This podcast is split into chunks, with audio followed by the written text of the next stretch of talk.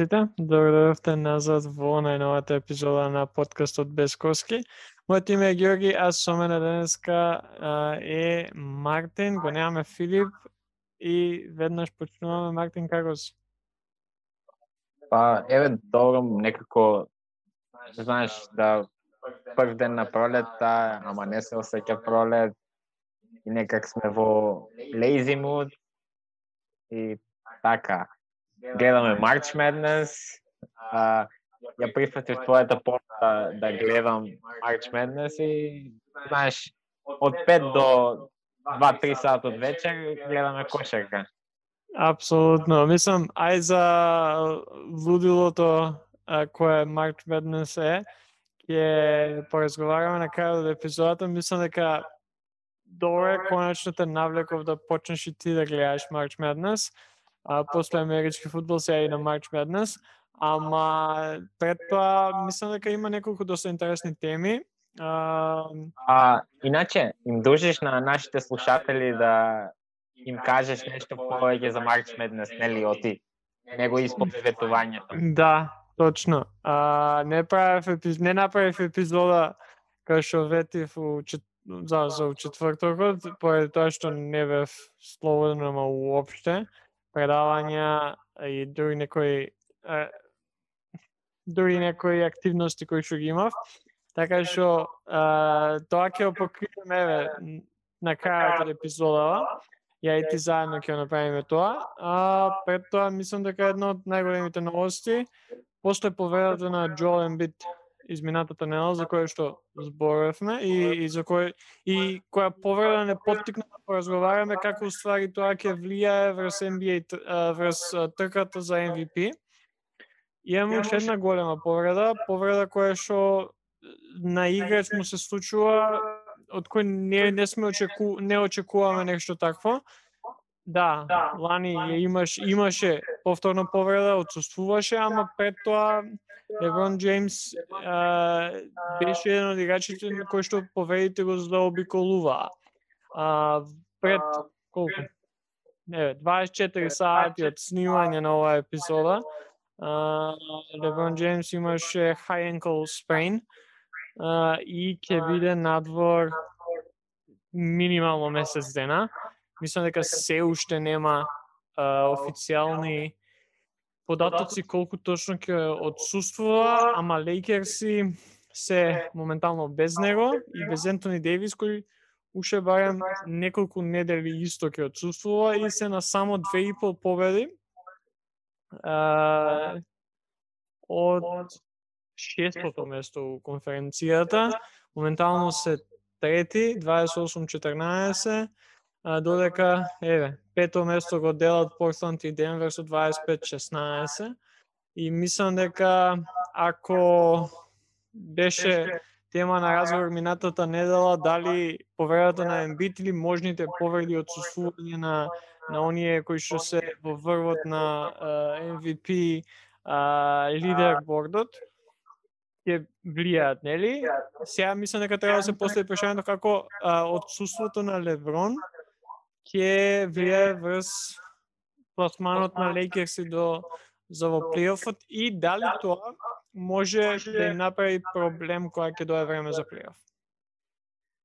Па, силно ќе ја реобликува и MVP трката и ќе реобликува исто и а, западната конференција. Лейкерс јас очекувам да не бидат во топ 5 додека додека не се вратат нели повторно Ентони Дейвис и Леброн Джеймс, а тоа ќе како што напомена ти ќе биде за еден месец, а до тој месец имаат како да кажем озбилни утакмици, мислам со озбилни екипи што сакаат да бидат близу првото место во своите конференции, како Клиперси, како Хит, како Бакс, како Сиксерс. И мислам дека тие екипи лесно ќе ги поведат на Лейкерс и Лейкерс и мака ќе мачат и со екипи како како Кингс и како Magic и како Торонто и Пеликанс. И знаеш, според тоа што го видов има чести најтрка според до крајот на сезоната, а таа завршува за еден и пол месец, нели регуларната сезона. И ако за еден месец Леброн и Дейвис се вратат. Мислам, още не е одредено колку, ама се предвидува пред да започне плейоф. Мислам тука пред да заврши регуларна. И се поставува дури прашање дали дали воопшто би влегле во плейоф, бидејќи сепак нивниот ростер зависи од Леброн и од Ентони Дейвис и нема толку добри играчи на клупа, освен нели Монтрес Херел и Денис Шрудер што се. Други не може да ја водат играта, ама сите знаеме дека и Денис Шрудер во предходните негови тимови е бил или сиксмен, или не најдобриот играч на екипа и Монтрес Херел исто и така седми или шести играч од клупа. Така да знаеш, они ќе бидат оние што ќе ги водат Лейкерси и не мислам јас дека може да ги водат толку добро. Па гледа, ако, ако видиме лани што се случи која само Леброн го немаше, а, мислам дека тоа дали Лейкерс и уопште ќе влезат у плейоф е легитимно прашање, поготово дека станува збор на за западната конференција. Кај што моментално а, го имаш еве Golden State кој што е девети, позади Лейкерс се па со солиден број на победи, ама сепак 22-21 се Лейкерс се 28-14 и а, иако Golden State освен Стеф не играат нешто а, забележително, има понека понекогаш блесоци на на Вигинс, Грин е солиден која игра и која му се игра и Вайсман е, е сосема окей, ама мислам дека би било премногу да не влезат до плейофот, ама дефинитивно може да дојдат у ситуација да се борат и да да влезат у тој, знаеш, плей-ин турнир, каде што каде и да завршат седмо или осмо, ако одат на Јута или сега моментално е Феникс, ама мислам до крај на сезоната Клиперси ќе бидат еден Јута и Клиперс ќе бидат 1-2 или Лейкерси која ќе дојдат у плейоф ќе бидат онака ќе ги ќе ќе ги уништат на Јута у, у прва рунда у плейоф, што може да се случи, или мислам Лейкерси, или ќе имаме тешко тешко тежок почеток на Лейкерси у плейоф.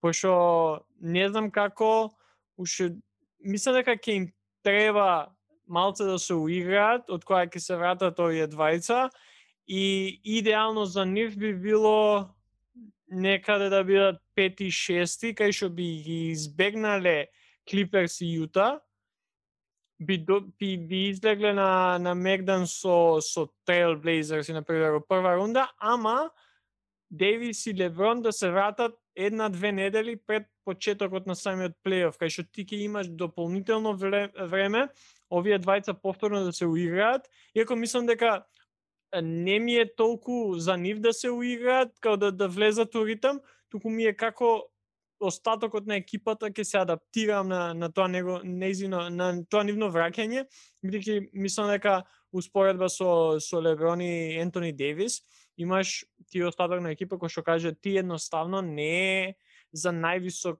доц, не е за највисоки дела. Иако нели освоија титула, ама тоа беше под на крилата на Леброн и на Ентони Дейвис. Сега без нив двајца, освен на пример, ако не направат нешто вау, uh, кое што ќе ни изненади на трейд дедлайнот, за кој што by the way ќе ќе збориме после ова, не гледам како би се задржале на тоа високо трето место у конференцијата и како би имале поголема шанса у плейофот доколку а, овие двајца не се вратат.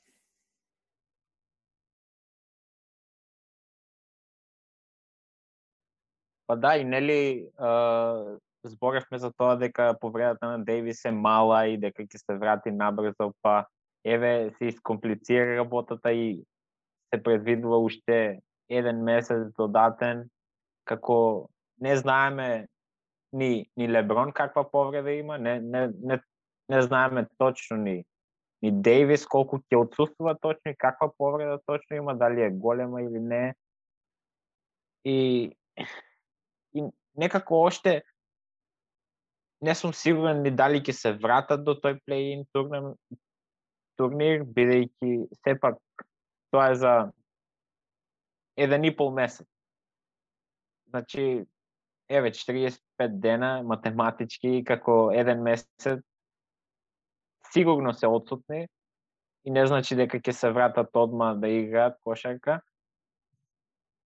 Мислам прво ќе им треба денови да тренираат со тимот и по, потоа мислам и не знам, Лейкерси ќе бидат искомплицирана тема до крајот на сезоната. И мислам со табелата што ја гледав за местата на кои да, мислам Гризлис и Warriors се мислам фаворити моментално за плейн турнаментот од 9 и 10 место и имаат 22 и 19 победени утакмици, а Lakers имаат 28, што мислам дека е многу разлика и Гризлис секако нема да ги победуваат нивните утакмици до крај, така да мислам дека ќе бидат ќе влезат во плейоф, ама ако налетаат на Јута или Клиперс или Феникс, ќе биде огромен проблем поради тоа што Јута не е Јута од минатата сезона.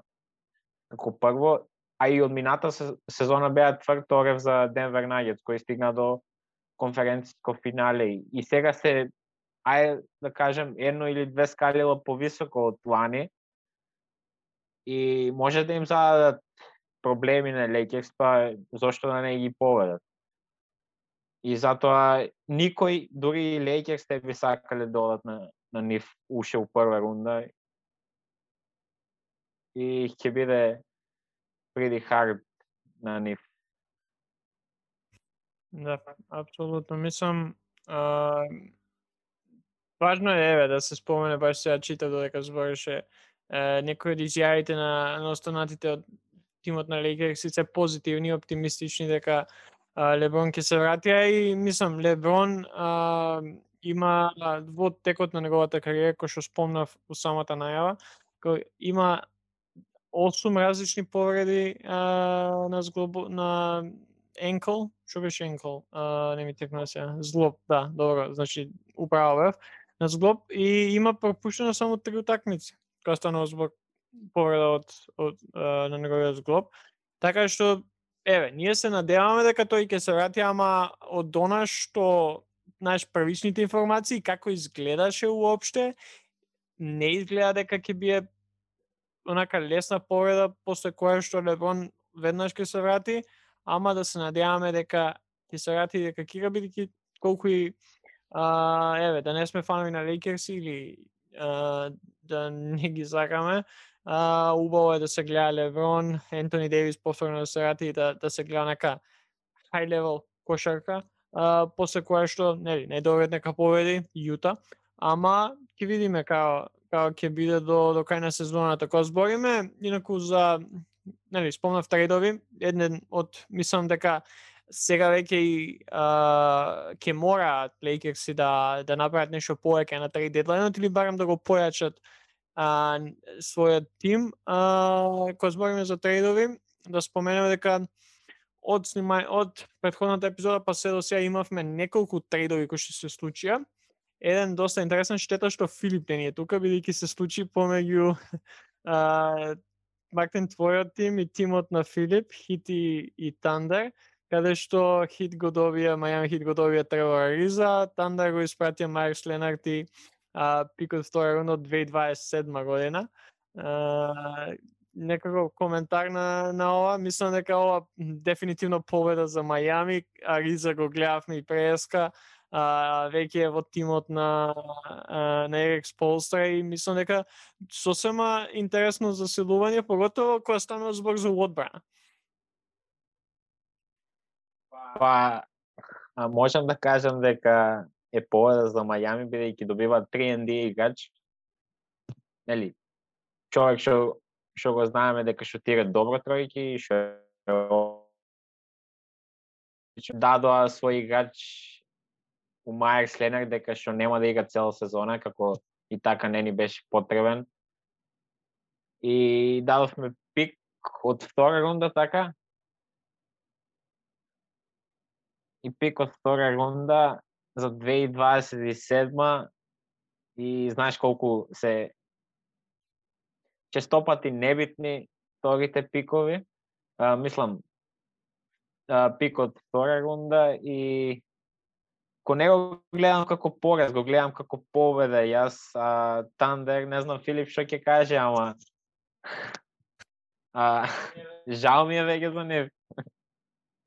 Мислам дека Тандер само сака да да се ослободат од од договори од, од ветерани од пикови од втора рунда кои што мислам дека ги имаат премногу, а тоа може да видиме бидејќи тредуваат пик кој што нема да дое на ред за уследните 6 години. Ама добро, ќе ќе ќе прашаме Филип кој ќе ни се приклучи следната епизода. А, Бакси го тредува Тори Крек у Санси за cash considerations, не битен трейд реално. А, а најбитниот можеби кој што се случи пред неколку дена е а, Бакси повторно инволвирани во нив, го добиваат PJ Tucker во трейдот каде што ги испраќаат DJ Агустин и DJ Wilson прв пик а, прв пик на драфтот прва рунда пик на драфтот 2021 пик swap uh, топ 9 uh, protected пик и uh, прв uh, пик од прва рунда 2023 година.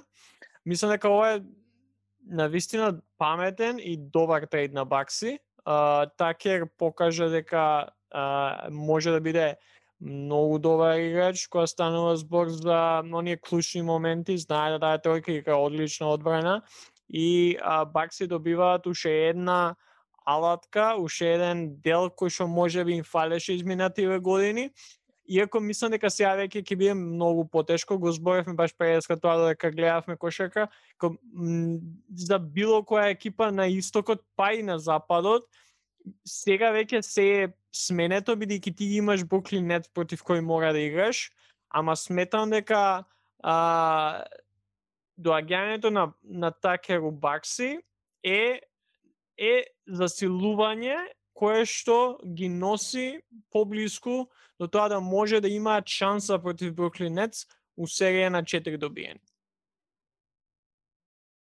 Па да, јас а, уште кога трейдот се случи, а, мислам како кога видов размената нели на помеѓу Бакси и Рокетс, мислам дека Бакси се најдобра одбранбена екипа во NBA лигата, каде што ги имаш Јанис, кој е Defensive Player of the Year, каде што го имаш Такер, каде што го имаш Джу Холидей, мислам во првата петорка ти имаш па едни од најдобрите дефанзивци на своите позиции. Такер дури во Хјустон чуваше и центри со неговата висина и добиваш ростер каде што е многу добар дефанзивно. Имаш Брук Лопес кој е солиден во дефанзива, имаш а, Дивинченцо, имаш Крис Милтон кој он ќе им повеќе во нападот, ама сепак со, многу многу добра одбрана, јас мислам најдобра одбрана и мислам дека они они ќе бидат а според мене единствената екипа која може да им нанесе штета на Бруклинет.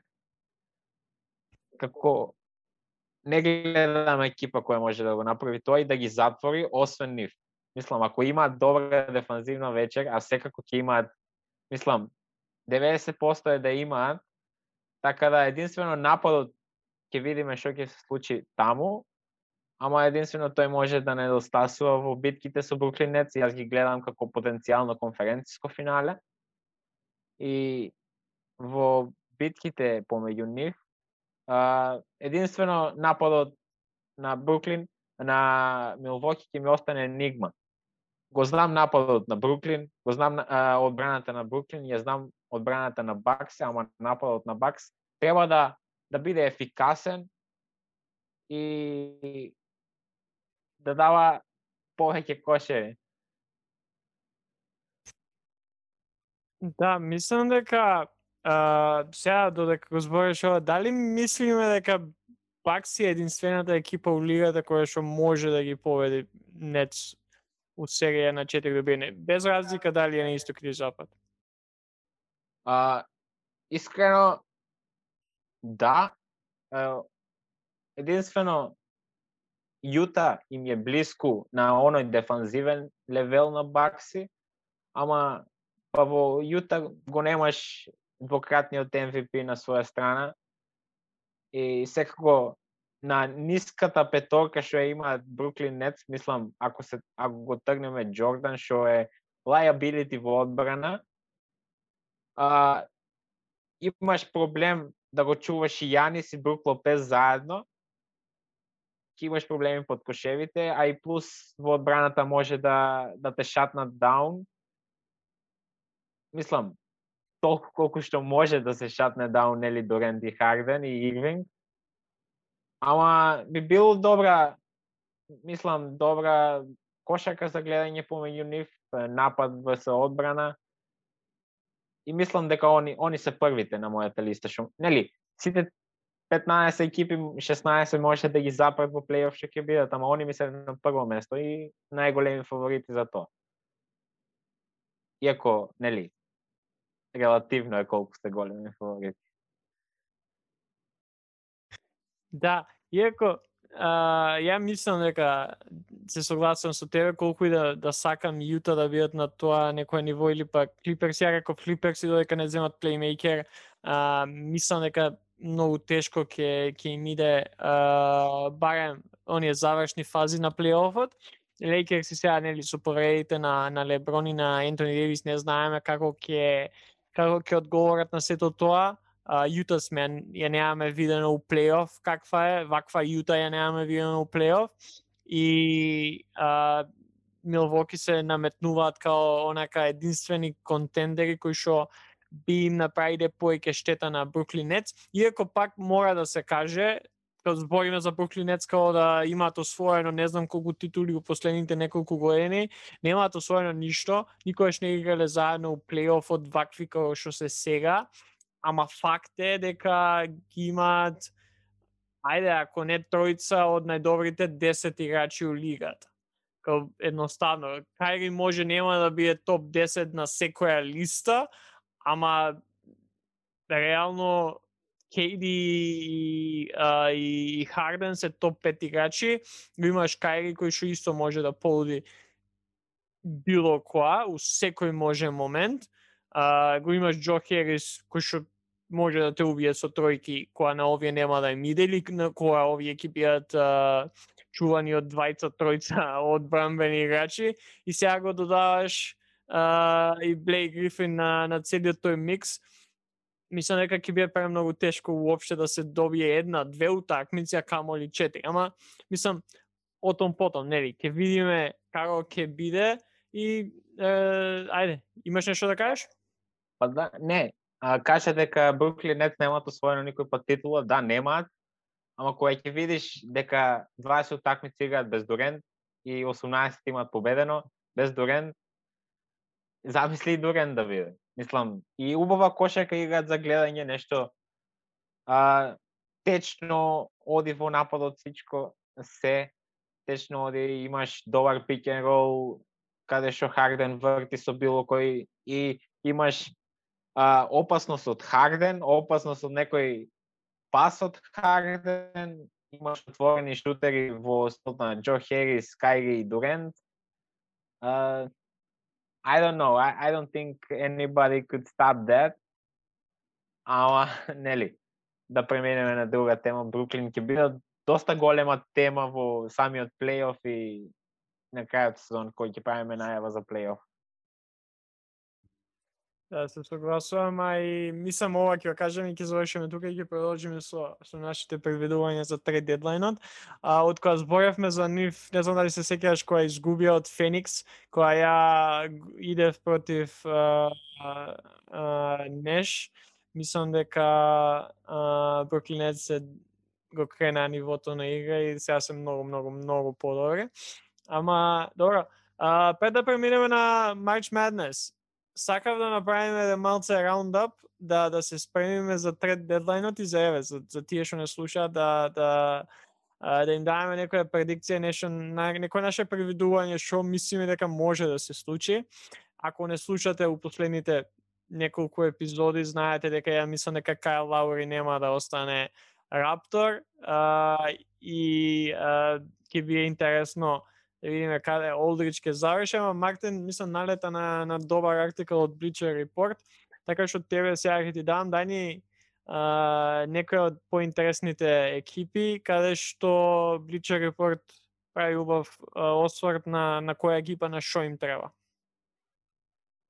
Па, искрено, знаеш, имат некои чудни, мислам, секоја екипа си има своја афинитети и симпатии код играчи, ги сака во нивниот тим, ама како да зумираме, а, во трейд гласините се Олдрич, Лаури, не знам, подсетиме ако има уште некој друг побитен играч. Драмонд. Да, он се спомнува и како buyout играч. И и ќе ги прочитам само тимовите кои ги имаат во план да да земат е, играчи, мислам што се спекулирани слијата. Еве ќе почнам со Бруклин неци, они имаат е, желба да земат некој играч од типот на висок играч, како Неглес Ноел, Ерон Бейнс и Жавал Меги, не знам што мислиш за тоа. Мислам, немаат кој да дадат практички за овие играчи, ама еве што мислиш за нив? Мислам дека сега не знам дали уопште треба да додаваат играчи, а, поготово ако станува збор за високи играчи, а, ја би идел на таа карта, а мислам дека имајќи го Майк Ди Ентони у, у стручниот штаб, ја би идел на small ball, кај што највисокиот играч у втора постава ти е Блейк Грифин, кај што го имаш Диандре Джордан кој што нема да игра премногу минути, го даде веќе као најдобриот центар у екипата им го даде на Кавси, го немаш веќе, го немаш на ростерот, и имбрейсе, као нешто што Хјустон проба да направат, ама никогаш не успеа. И сега, би било би, би било стварно прејако PJ Такер да завршеше у Неци, мал сум изненаден што тоа не се деси. Ама на крај на денот ја, ја би бил мирен, ја ако сум Шон Маркс, не би правил никакви трейдови моментално, бидејќи има доволно добри играчи, она што зборевме. Тешко дека некој може да и победи у четири утакмици едноставно е, као embrace it, уиграј се сега у последните месеци пол што останува до крај на регуларната сезона. Стај го, мислам дека Блейк Грифин веќе има кога ќе ослушате ова веќе ќе има валјда изиграна една утакмица за Нетс. Уиграј, уиграј го у тимот, може да биде стварно добра опција од од, од, од клупа и иди, и така. Не би, ја не би, ја не би правил трейд ако сум Бруклинец моментално. Океј, се слагам и така нема што да дадат. Следна екипа на која налетав е Шарлот Хорнет, која во своите планови има да земат центар исто така. Се споменуваат Трнер, Драмонт и Валанчиунас. Ко Хорнец ги имаат како високи играчи Коди Зилер и Биомбо. И мислам, реално е во Хорнец да оди Драмонт, мислам со тоа што не игра во Кавс и со тоа што нели Хорнет сака да трейдуваат за Драмонт.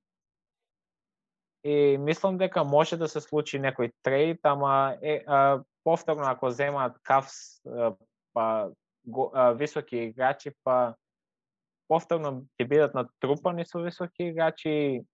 Не го гледам уин ситуацијата во на страната на Кавс. Па, не знам, дали Драмонт уопште би сакал да игра во екипа ко Хорнец, кој што едва може, еве, ке, ке влезат, може, у плейоф сезона, чека да имам кај се. Се на солидно. Девето место, 18-22, има шанса, тоест не, не, 20-27, седми, има шанса да влезат у плейоф, ама мислам дека Драмон, амбициите на Драмон би биле поразлични и повеќе бидел на тоа buyout да направи, отколку да отколку да да иде у екипа кој што Хорнец, кај што може да изига добра а, добар, нели, крај на сезон до крај на сезоната и после да да добие некој договор некаде на друго место, ама дали Хорнец би се откажале од премногу за да го добијат за само еден за месец и пол или прва рунда или максимум не мислам дека може Хорнец у втора рунда на плейоф.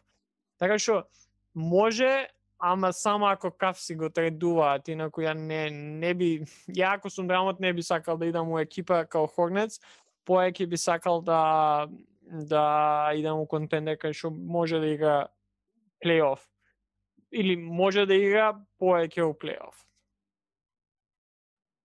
Па да, и, и мислам дека и се сложувам со тоа што го кажа и мислам дека и Шарлот Хорнет не се спремни да дадат то, нешто многу за Драмонт, бидејќи ја знаат ситуацијата во која се наоѓа Кливленд со Драмонт и Драмонт со самиот себе дека сака да победува и да биде во победнички тим и Да, мислам дека нема да се случи тоа не е ни толку реално, ни не се ни шпекулира во NBA светот и да продолжам со следниот тим. Следниот тим е Далас, кој во своите желби има Пети Милс, Ламарко Солдрич и Бади Хил. И знаеш, ми текнува некој триаголник, знаеш, го зборевме од uh, минатата епизода кога зборевме за Олдрич, каде што сакаат да трейдуваат со Кингс, за Спарс, па тука ако се вклучи Далас во трейдот, мислам дека и они, мислам, од тука гледам дека го сакаат Олдрич во својот тим и како може нешто да се направи, бидејќи единствени а, имења кои ми се појавија на Bleacher Report се Бади Хил, Педи Милс и, и Олдрич, кои се од Сан Антонио и Кингс и така ги поврзав со Далас и Може да ми кажеш што мислиш? Мислам дека би бил сосем интересен трейд, три дел трейд, 3-тим трейд. Пази, на, на Далас им треба шут, на Далас им треба тројка. Мислам дека одсуството на Сет Кари е повеќе од очигледно, иако не сметав дека ќе биде толку премногу очигледно и, и, и да биде толку значајно а, им треба тој кажеш Пети Милс е еден од подобрите у лигата и ако се уште го има, мислам дека го има, би се клопил одлично у тимот на, на Далас. Олдрич би бил интересен у, ако го гледаме у Далас. Тоа поставува прашање што, што со Порзингис. А, не верувам дека за пола година од тоа за месец и пол долари пак си би барале премногу, ама наверојатно не знам. А, клубер валда ќе мора да одат или некој друг висок играч или нешто клевер. А, Мислам дека би бил интересен трейд. Би им дал, ја, ја со овој трейд Далас би им дал поеќе шанси за да направат нешто у плейоф, дефинитивно, и, и подобрува. Мене ме интересира што Бличер Репорт вика за, за Клиперс. Пошто стварно мислам дека мора да земаат плей. Дали, дали уопште има некоја шанса да земаат плей? Не, само да докажам, нели, за овие овие тимови. И мислам дека би можело да се направи трейд во кој Бади Хил би одел во Далас, Олдридж би заминал во Кингс и да кажеме Тим Хардавей Джуниор или како Макси Клебер некој мислам Далас мора да дадат нешто повеќе за Бади Хил, бидејќи Бади Хил е подобар од сите играчи кои имаат Далас, освен нели Кристос Порзињис и Дончич. И може да се направи некој таков тип на трейд, ма дали би ризикувале Далас кој се во еве да кажеме добра серија на победи и мислам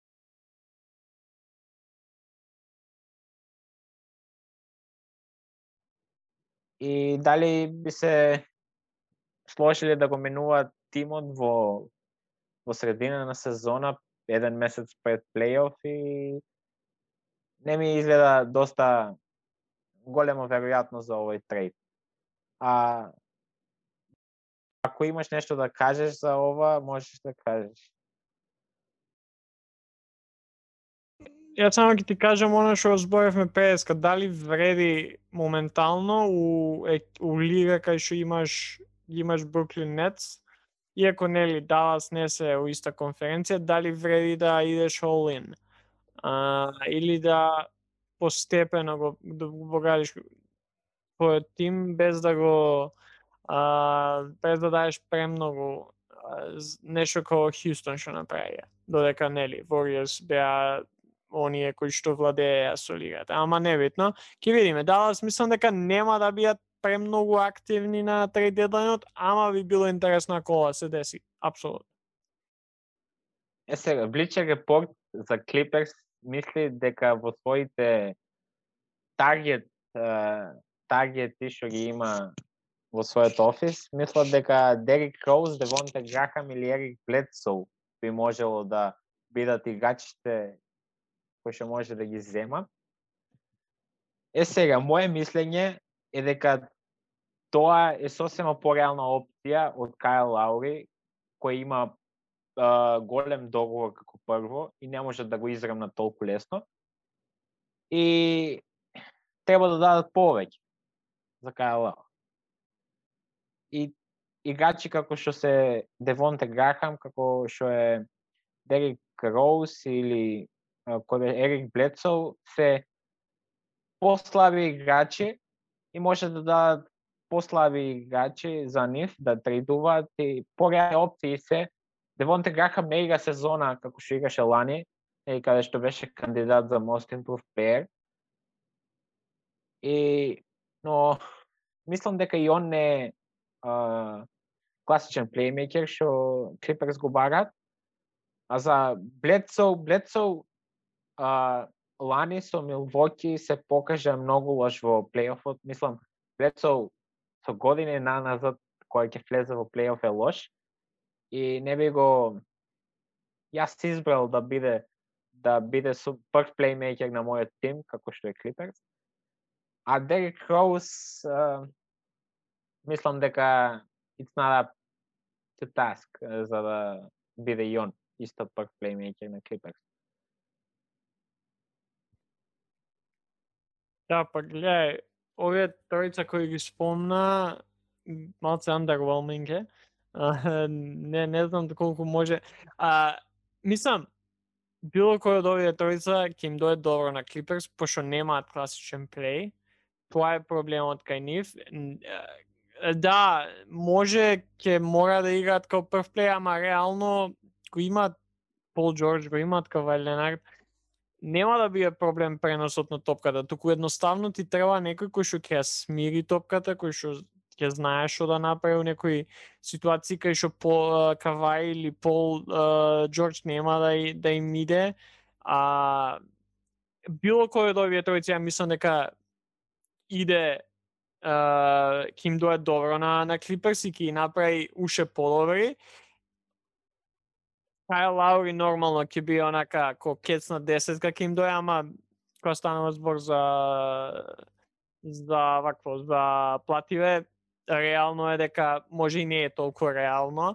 А, ќе видиме. Ја реков уште од почеток на уште превијата која ги правев. Проблемот со Clippers, единствениот проблем кој што може да се види е а, немањето на плей. Е сега. Колку тоа ќе влие, мислам дека сега со со Неци, со Јута таква каква што е, ќе ќе бие доста важно тие трета, четврта, пета утакмица у плейофот. И затоа мислам дека Клиперс ќе одат all in на на плеймейкер и мора тоа да направат ако сакаат нешто да се направи. Иначе, кога збориме за Лаури, а, за момент ја би идел со оваа статија која што само што ја читам, а, тоа дека Лаури а, интерес за Лаури имаат хит Клиперс и Семани Сиксерс.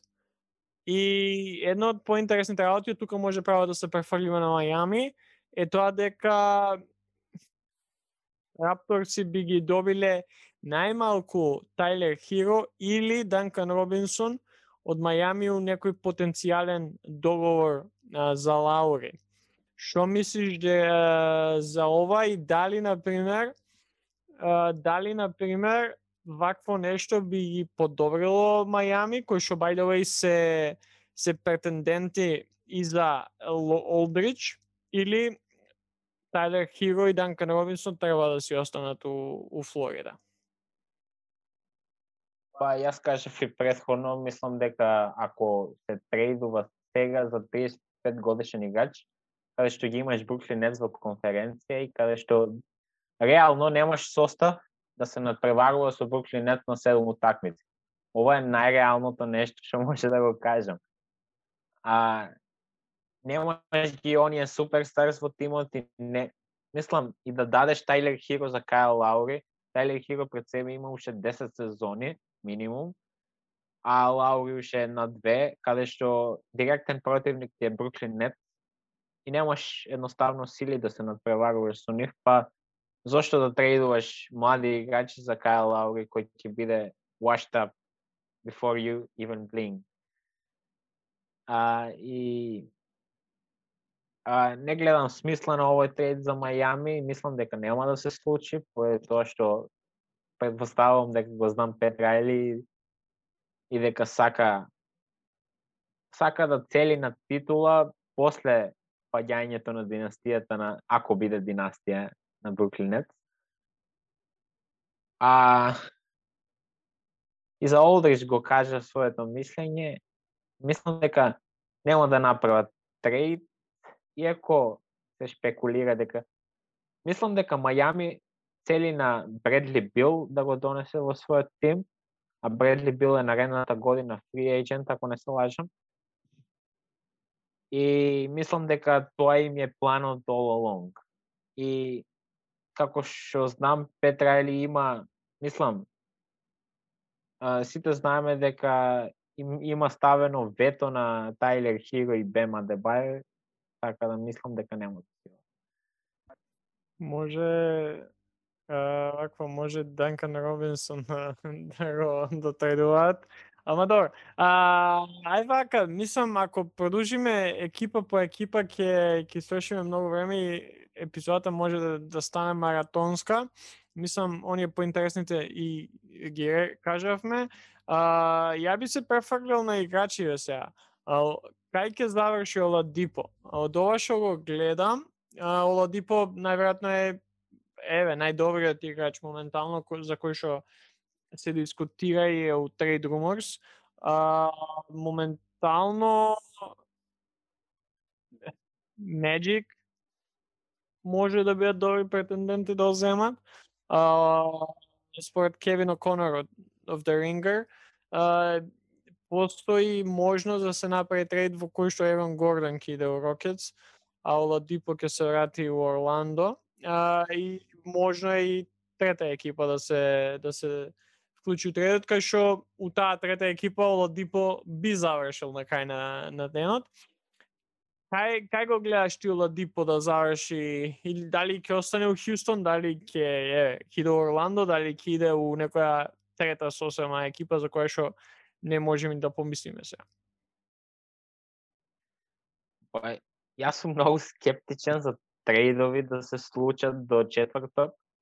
Иако предпоставувам дека ќе се случат, и ама сум скептичен за нив и моја прва реална опција е останување во Хјустон.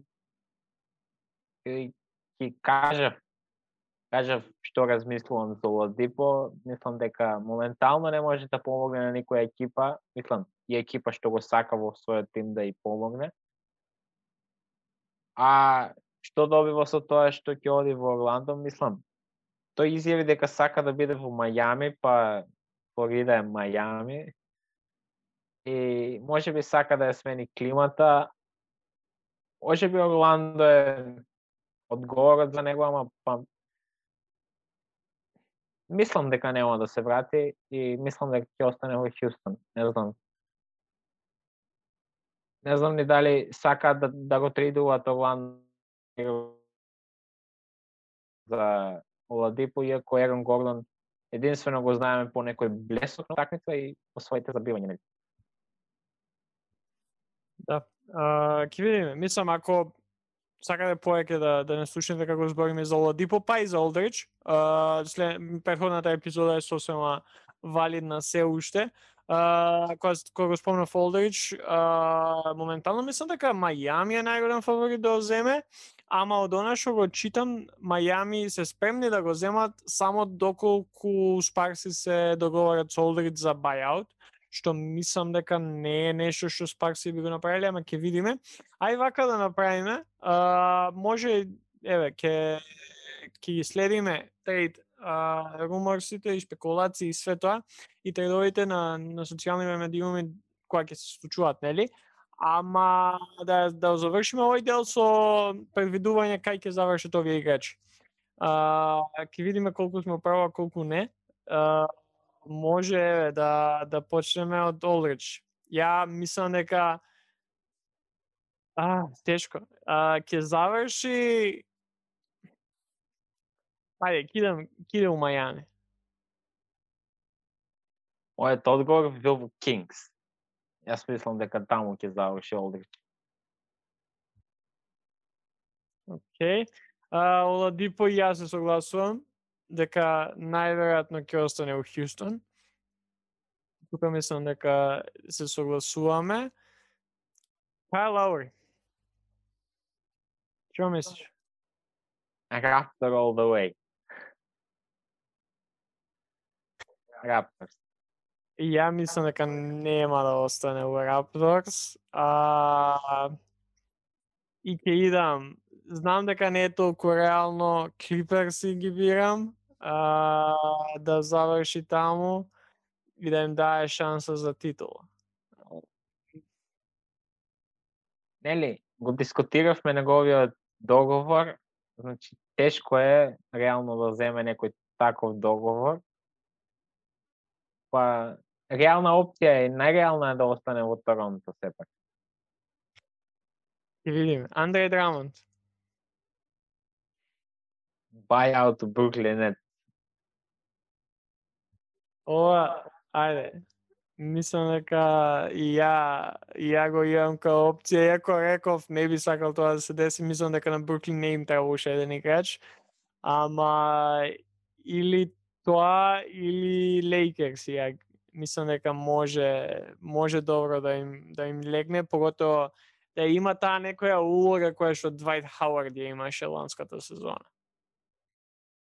Епо, види, Бруклин Нетс би сакале во својот тим уште еден дополнителен играч за нешто ситно пари.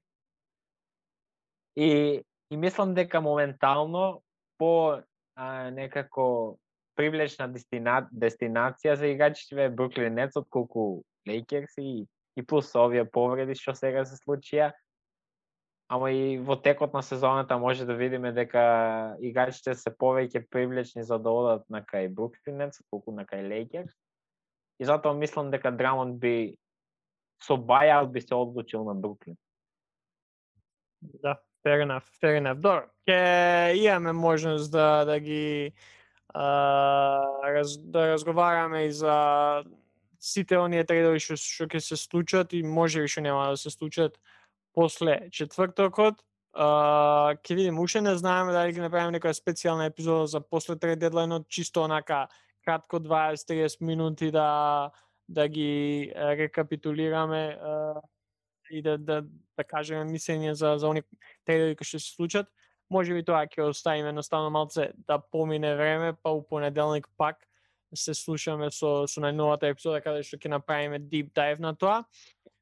Ама, за крај, рековме March Madness, мартовско лудило, а, за оние кои што не знаат што се случува, March Madness е за мене, а и верувам за голем број спортски фанатици, поготоа кога станува збор во Америка, најинтересното нешто кое се случува секоја година, каде што а, 60 и, well, ова година 67 тимови играат елиминацијски турнир, а, коледжи, играат елиминацијски турнир за а, да дојдат до нели, а, титулата најдобра коледж кошакарска екипа а, во а, во сад.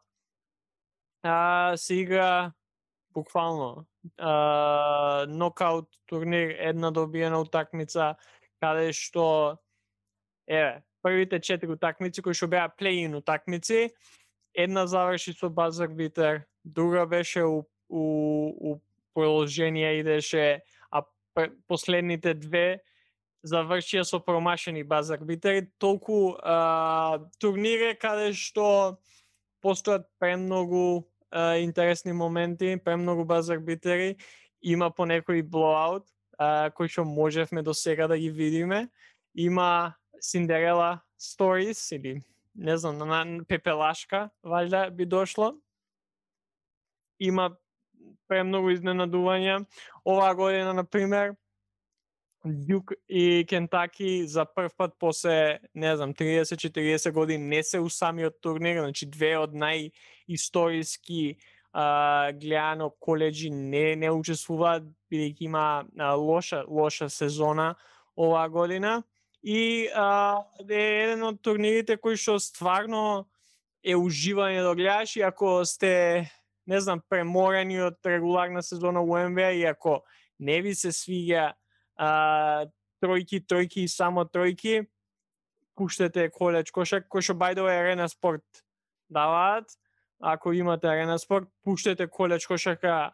Може, нема да го гледате најквалитетна кошарка, нема, не, нема да ги имате нај атлетски градени играчи, нема секојаш да погодуваат, нема да даваат премногу тројки, ама ќе има жар, ќе има тршање, ќе има одбрана, ќе има зона, ќе има а, играње до последна минута и ќе има компетитивност и, и ќе биде доста интересно. Ја, ја така би го опишал March Madness. Макнем ти шо би рекол како некој кој што прв пат воопшто гледа March Madness е последниве 3-4 дена.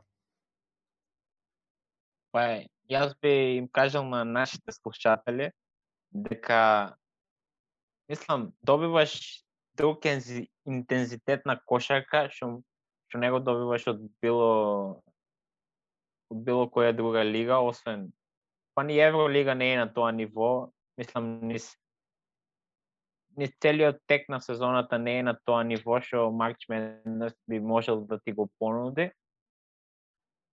И мислам а, за сите кошакарски фанатици Марч Медносот треба да е на to-do лист да, да го правите секоја година, бидејќи не знам, добиваш некој адреналин повеќе а, и да не ги знаеш играчите како јас што не ги знам моментално, освен некои драфт проспекти кои се нудат на NBA драфтот секоја година. А, интересно е да видиш играчи како се борат, хасел а, и работи кои не можеш да ги видиш во NBA лигата и и по близа на блиска на резултате кошката и по неквалитетна, ама по интересна за око. Имаш а, тренери кои ја водат играта, имаш паметна игра, умствени игри, имаш, знаеш, имаш се што мислам дека повеќе од слушателите сакаат како олдскул кошарка и и распоредба на улогите и не е се тројки, нели, пик рол, изолација и не се толку квалитетни да играат тоа и затоа некако кошарката е потечна и поубава за око. Апсолутно, мислам дека тоа е што што прави поинтересно и мислам сепак треба да се има у обзир играат играчи у коледж, како 18, 19, 20, 21 година, 22, што се максимум, каде што а, на вистина е, е, е интересно да се гледа. А, поготово дека имаат и некои интересни правила кои што не се секојдневни, на пример немаат четвртини, си игра по 20 минути у едно полувреме, има има доста тајмаути да има одмор. А, поготово телевизиски тайм-аути, па имаш доста одмор помеѓу утекот на едно полувреме. А, 30 а, секунди има за шут, а, нешто што нели 24 е професионална кошарка. А, едно од поинтересните правила која ќе влезеш у бонус ако ти направат фаул а, а не биде на шут тој фаул, имаш едно плюс едно фрлање, така што ако го даеш првото, добиваш и второ, ако го промашиш првото, не добиваш второ. А, и навистина дека баш убаво да се види различно нешто, поготоа ако не пратите колеч кошарка како мене. Најинтересниот дел помина реално, тоест останува уште еден ден. А, тоа е а, првата и втората рунда на, на турнирот, кај што буквално еве наше време од 5 сат денски па, 5, па до 5 сат са бајле реално. Секоја на секои 30 минути, на секој сат време имаш нова утакмица а, кај што се може да се случи и буквално имаш кошака нон-стоп. Денеска, тоест сега снимаме кога ова у недела, моментално Сиракјус и Вест Вирджинија играат 65-59 е у моментов. Сиракјус е аутсайдерот у дуелот може да се каже, ама води цела утакмица. Дали Вест Вирджинија ќе се врати? Најверојатно не, ќе видиме, ама тоа го прави интересен, као имаш случаеви да Охайо Стейт, кој што е втор сид у, у нивниот регион, а, изгуби од 15 екипа у, у регионот, Oral State. Никој нема, немаше служното за Oral State пред а, самиот турнир. Така што, на вистина интересно и, и убаво кажа Мартин, ако сакате да гледате NBA проспекти, кои што може би нема да биат прва рунда, не знам, топ 10 пикови, бидејќи не секогаш најдобрите проспекти играат у екипи кои што се пласираат далеку а, на турнирот. Имате можност да гледате да гледате играчи кои што ќе биат втора рунда пикови кои што ќе ќе ќе биат у лигата или можеби ќе идат у Европа да играат, ама ќе ги дознаете тука на овој турнир кај што ќе ќе биат премногу добри.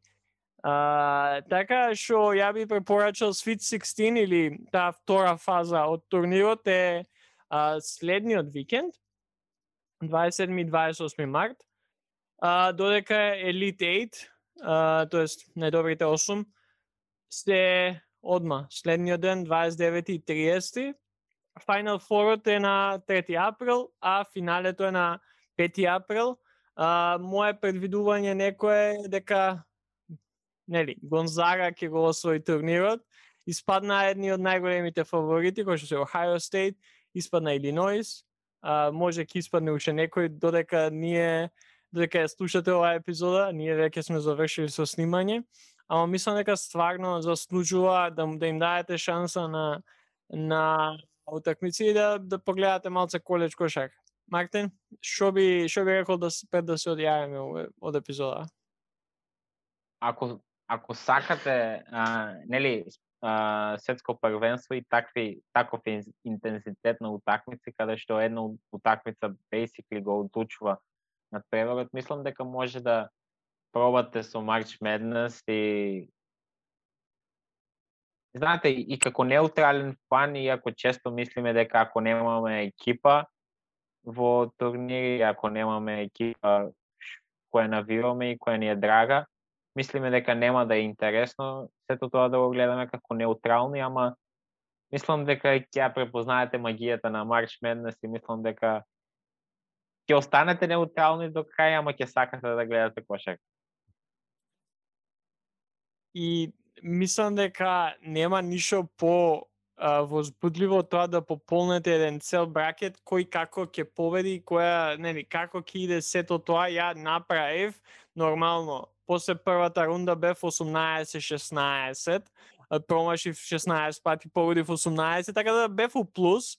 А, ја избрав Гонзага да победи, ќе видиме дали ќе се случи, ама дефинитивно е нешто а, на интересно. Ја со нетрпение го чекам секоја година, а, од која гледам, гледам кошарка. А, и тоа, Ќе се слушнеме пак у следната епизода, се надеваме Филип ќе ни се приклучи. Идеме сега да догледаме ја и Мартин а, да догледаме Вест Вирджинија и Сиракјус, дали Сиракјус ќе направи уште едно изненадување а, денеска, кое што Бајдова имаше премногу изненадувања у првите три утакмици. А, и се надеваме дека нема да се случат некои премногу шокантни работи на, на, на трейд дедлайнот и, и дека Леброн ќе се врати наскоро на терените. Stay tuned.